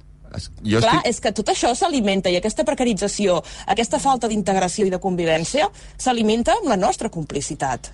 Jo Per estic... tant, jo aquí una reflexió jo crec de cada un de nosaltres, perquè ens costa molt posar-nos en la pell de l'altre i fàcilment parlar de que no es volen integrar. Però és que si tu no l'has tu no l'has acceptat i sempre l'has apartat, també és molt difícil aquesta integració. Esco- I ara se'n pot fer un discurs, ah, és un discurs bonista. No, home, però posem-nos en la pell de que tu no puguis agafar el tren per por a que no puguis tornar a treballar. I això ha passat de dones amb una cadira de rodes estar a l'estació, una persona que cuida una persona gran de 90 anys amb una cadira de rodes estar a l'estació Figueres i deixar haver, que s'emportin a la persona sense papers i que deixin a la persona gran i que truquin a la família no, és que aquesta persona, clar, s'ha quedat aquí a l'estació perquè no té papers la, la persona que la cuidava. I, I aquí són delinqüents, estem parlant de delinqüents.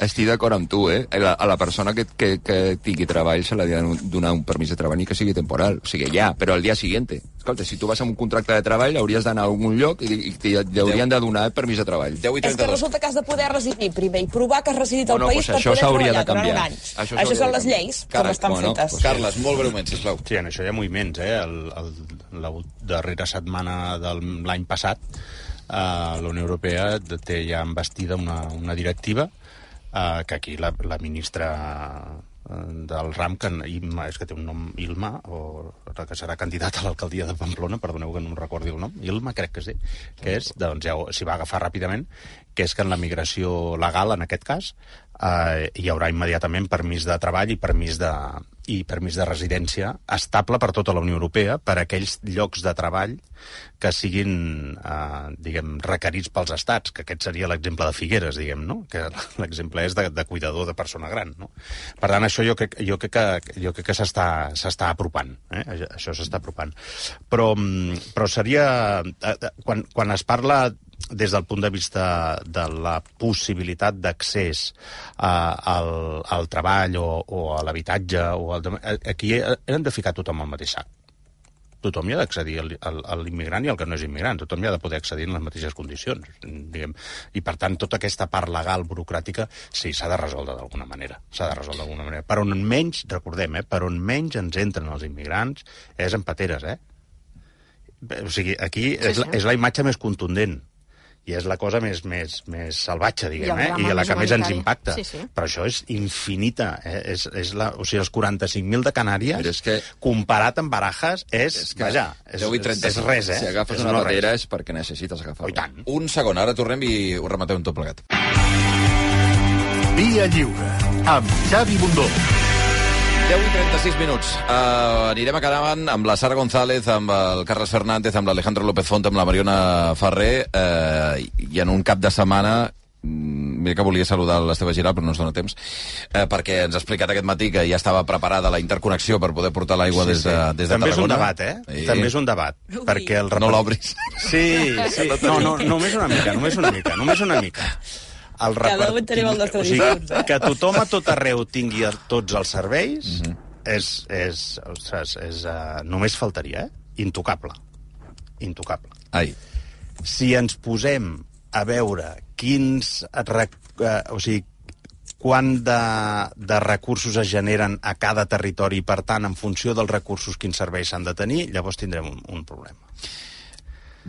Perquè hi ha molts llocs que els recursos que generen no són suficients com per mantenir els serveis. Mm -hmm. Per tant, els recursos venen d'un altre lloc. Llavors, això, diguem, passa sovint que la majoria de les vegades, com ha de ser, i no qüestiono, com ha de ser, ah. i no qüestiono, surten d'un lloc per anar a d'altres. Ah. Perfecte. Només faltaria, eh? Només faltaria. Però alguna vegada, alguna, alguna vegada pot passar que aquests llocs que reben potser han de donar. Mm -hmm. Doncs això. Va, 10 i 38, no m'obriu aquest tema. No. Abans d'acabar, volia passar un moment per Aràbia Saudita. Aquest cap... Això també, ole tu. Jo, com que no sóc futbolero, callo, Sí. però Aquest- ole tu, Ostres. ole tu. Aquest cap de setmana hi ha la Supercopa, la final Ole de la. Supercopa Més que un club. espanyola. Eh, Sí, sí, hola, Marta Ramon, bon dia. drets humans. És que de veritat, No eh? s'ha fet cap petó, no, no? se us pot, no se us pot dir res perquè ja esteu No. agafant músic. No- no s'ha fet cap petó ni s'ha tocat el cul amb ningú, no? Prou. El Barça. Uh, hola, Marta, Mare com, meva, com estàs? Hola, bon dia, com No es, pot, esteu? no es pot parlar, o sigui, no puc presentar res perquè ja fixa't que es llencen a sobre. Eh, estem a l'espera de que surti Xavi Hernández, pot ser? Sí, sí, just ara els dos entrenadors, tant Xavi Hernández com Carlo Ancelotti, ja s'han fet la foto oficial de la final de demà d'aquest eh, clàssic i de seguida compareixerà l'entrenador Xavi Hernández a la sala de premsa. Ja ho ha fet Carlo Ancelotti, de fet. Eh, eh, ho ha fet, eh? Sí, Dius? sí, Car Ancelotti Carlo. Ancelotti ja ha parlat, sí. Eh, com... No sé si hi ha alguna novetat de, del que és la final de demà. Sabíem que Rafinha no, no pot jugar, no? Ja ha caigut de la convocatòria. Sí, eh, o sigui, la, la convocatòria de la final no la tenim, No, però ja sabem òbviament. que Rafinha no, no jugarà perquè s'estarà un mes de baixa amb aquesta lesió que té el bíceps femoral de la cuixa esquerra. Òbviament demà no jugarà a la final i tot i que encara no és eh, definitiu ni oficial, tot apunta que demà Xavi no podrà disposar tampoc de Cancelo, que l'altre dia ja va Mhm. fer treball al, al marge, encara no s'ha pogut entrenar amb l'equip i si no hi ha un gir inesperat, Cancelo tampoc jugarà a la final de demà. Com diries que estan els ànims del Barça? Doncs a veure, clar, mm, el, el, que es, el, que, el, que es, el que es transmet i Xavi de fet ja ho ha dit sense embuts a la sala de premsa, és que aquesta vegada mm, serà ben diferent a la final que es va viure la temporada passada. Es veu molt difícil poder repetir un partit tan rodó i fregant l'excel·lència. De fet, el millor partit de l'era Xavi va ser la final de la Supercopa de Riad fa, fa un any i aleshores, clar, es veu molt difícil repetir aquest nivell de, de joc contra el Real Madrid, sobretot perquè Xavi considera que aquest any el, els blancs hi arriben, hi arriben millor. Aleshores, és una mica incògnita, no?, Mm, veure la versió que, que donaran els blaugrana demà i, a més a més, al Real Madrid hi ha molts ànims de, de revenja pel que va passar l'any passat. Estarem pendents d'aquesta roda de premsa. Només una pregunta, Marta. S'ha parlat en algun moment de les últimes hores del cas Negreira? Perquè s'ha aixecat el secret de sumari i, per tant, eh, vaja, en fi, han sortit informacions de tot tipus i mitjans parlant de forma molt diferent. Eh, hi ha hagut algun, algun debat alguna tensió algun comentari dins de l'expedició blaugrana o no?